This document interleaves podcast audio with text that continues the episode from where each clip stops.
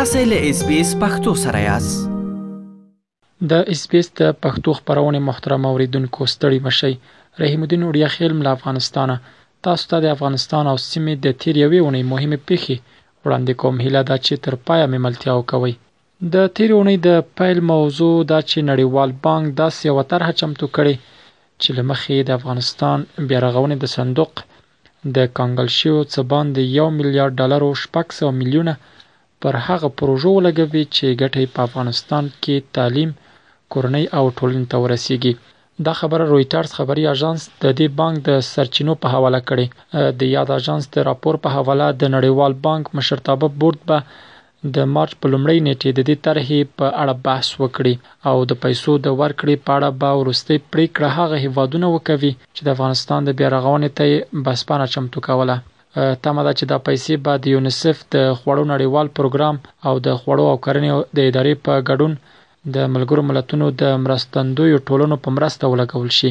دا په داسې حال کې ده چې تېرې اوڼۍ امریکا هم اعلان وکړ چې د افغانستان د اوه میلیارد ډالرو کنګل شویو شتمنۍ نیمايي د افغانستان له خلکو سره د بشري مرستو لپاره ځانګړې کوي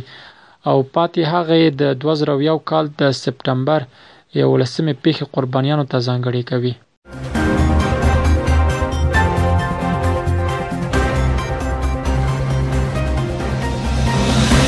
د ملګرو ملتونو د ماشومانو د ملاتړ صندوق یا یونیسف خبر ورکړی چې په افغانستان کې د ټولو دولتي ښوونځیو د ښوونکو دوه میاشتې معاش ورکوي. یونیسف د تېرې اونۍ د یکشنبې په ورځ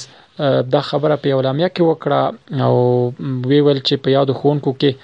د ټولو لومړنیو او متوسطه، تخنیکي او مسلکي ښوونځیو نارینه او ښځینه ښوونکي شامل دي چې شمېر یې یو لک او څلور نوي زرو ته رسېږي. اعلامیه کې دا هم راغلي ول چې هر ښوونکی به د جنوري او فبروري د میاشتو معاشونه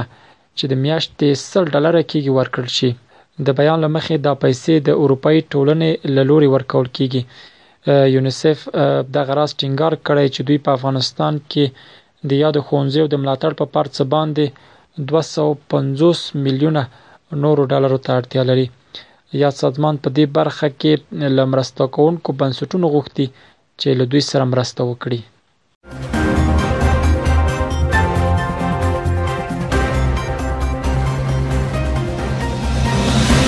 د افغانستان د مخکنی حکومت د ملي امنیت مشاور حمدالله محب هغه اوازې بیا اساس وبلل چې ګواکې مخکنی ولسمشر محمد اشرف غني کابل ته راستنیږي نوموړي په خپل ټویټرپاڼه د خپل یو انځور په خپرولو سره لیکلي ول چې اشرف غني تل د ټولو افغانانو لپاره پر یوې داسې تلپاتې سولې باورمند او ورته ژمن دی چې ارزښتونه پکې تر پښو لاندې نه شي. هغه دا هم لیکلي ول چې ولسمشر غني اوس هم د ولس د خیر لپاره د داسې اساسي بحث ملاتړ کوي چې د هېواد د ټولو وګړو استازیتوب پکې وي. خو تر دې وړاندې طالبانو حکومت رئیس الوزرا د مرستیال عبدالسلام حنفي په نوم یو ټویټر کې په یو ټویټر کې دا خبره لیکل شوې وه چې ښاغلی غني بیرته وطن ته ستنیږي خو وروسته بیا دا خبره د طالب چارواکو لوري رد شوه په همدې حال کې د ولسمشر غني ورور حشمت غني هم له دویچه ویلې سره په یوې ځنګړې مرکه کې ویلي ول چې افغانستان ته د ښاغلي غني په ستنېدو کار روان دی او په خبره یې که دا کار د افغانانو په خیر وي هغه اماده دی ورته. طالبانو د تېر کال د اګست په پنځلس مه واک ته له بیا رسېدو وروسته عمومي بښنه اعلان کړه چې اوس مهال پخوانی ولسمشر حامد کرزی، اجرایي رئیس عبدالله عبدالله، د سنا مشر مسلم یار او یو شمېر پخواني چارواکي کابل کې د طالبانو په حکومت کې ژوند کوي.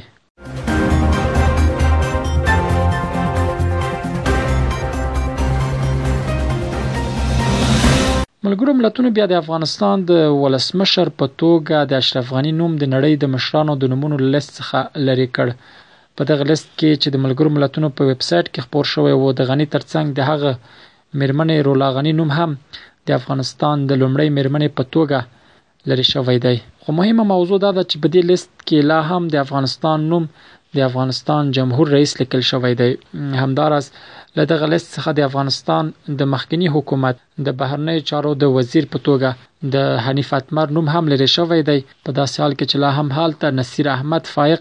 بیا د افغانستان شارجزفیر په توګه کار کوي. ملګرو ملتونو په داسې حال کې دا اقدام کوي چې په دې وروستیو کې په دې سازمان کې د افغانستان د سیاسي استازولۍ د مقام په سر ناندرې روانې دي. څو موده مخکې د طالبانو حکومت ملګرو ملتونو ته خپل استازی معرفي کړ، خو دغه سازمان ونه منله او د مخکیني حکومت استازی یې په خپل حال پرېښود.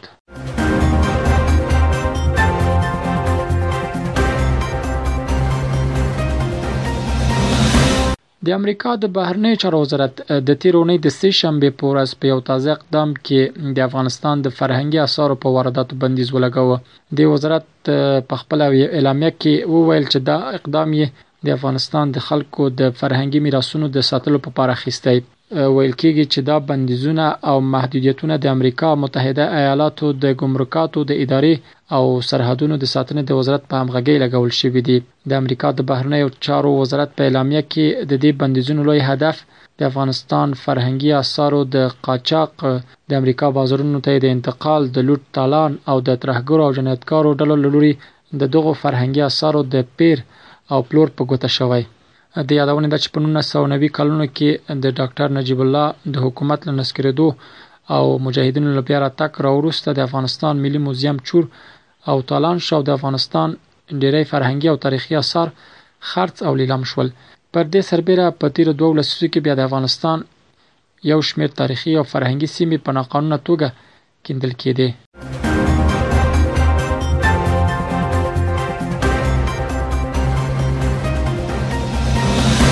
د تېرې اونۍ د پای موضوع دا چې د سویس کریډیټ بانک یو لړ افشا شوي اسناد ښایي چې ممکن د پاکستان د نظامي استخباراتو ISI پخوانی رئیس جنرال عبدالرحمن د افغانستان د مجاهدینو سره په مالي مرستو کې اختلاس کړی وي. په دغو اسنادو کې ښودل شوي چې څنګه میلیاردونه ډالر د هېوادونو د مشرانو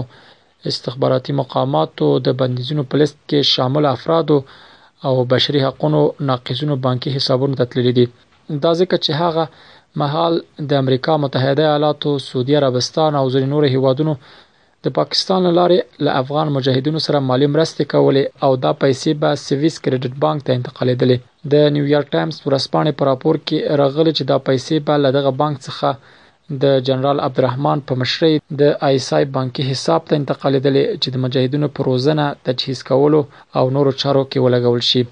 هغه کس چې ځان د دغه مسایلو افشاګر بللی، د سویس کریډیټ بانک کې د اتلسو حسابونو په اړه یې اسناد د جرمني ورځپاڼې سویدچ زیتوګ ته سپارلي دي او دی ویلي چې په دې بانکي حسابونو کې څه باندې سل میلیارد ډالر شته. البته د جنرال عبدالرحمن دوو زامنو دغه راپور په اړه نظر ورکولو ډډه کړې او یو بل زوی یې بیا دا راپور ناسم بللی دی. د پاکستان حکومت او آی ایس آی هم د دغه راپور او څرګندونو په اړه لا څه نه دي ویلي. جنرال عبدالرحمن په نولس سوه او اتیا کلونو کې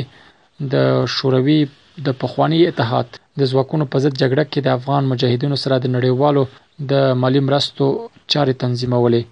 هغه په کال نولس سوه اته اتیا کال کې د الوتکې د راغورځېدو په یوې پېښه کې د پاکستان د پخواني پوځي ولسمشر جنرال ضیا الحق سره یو ځای مړ شو.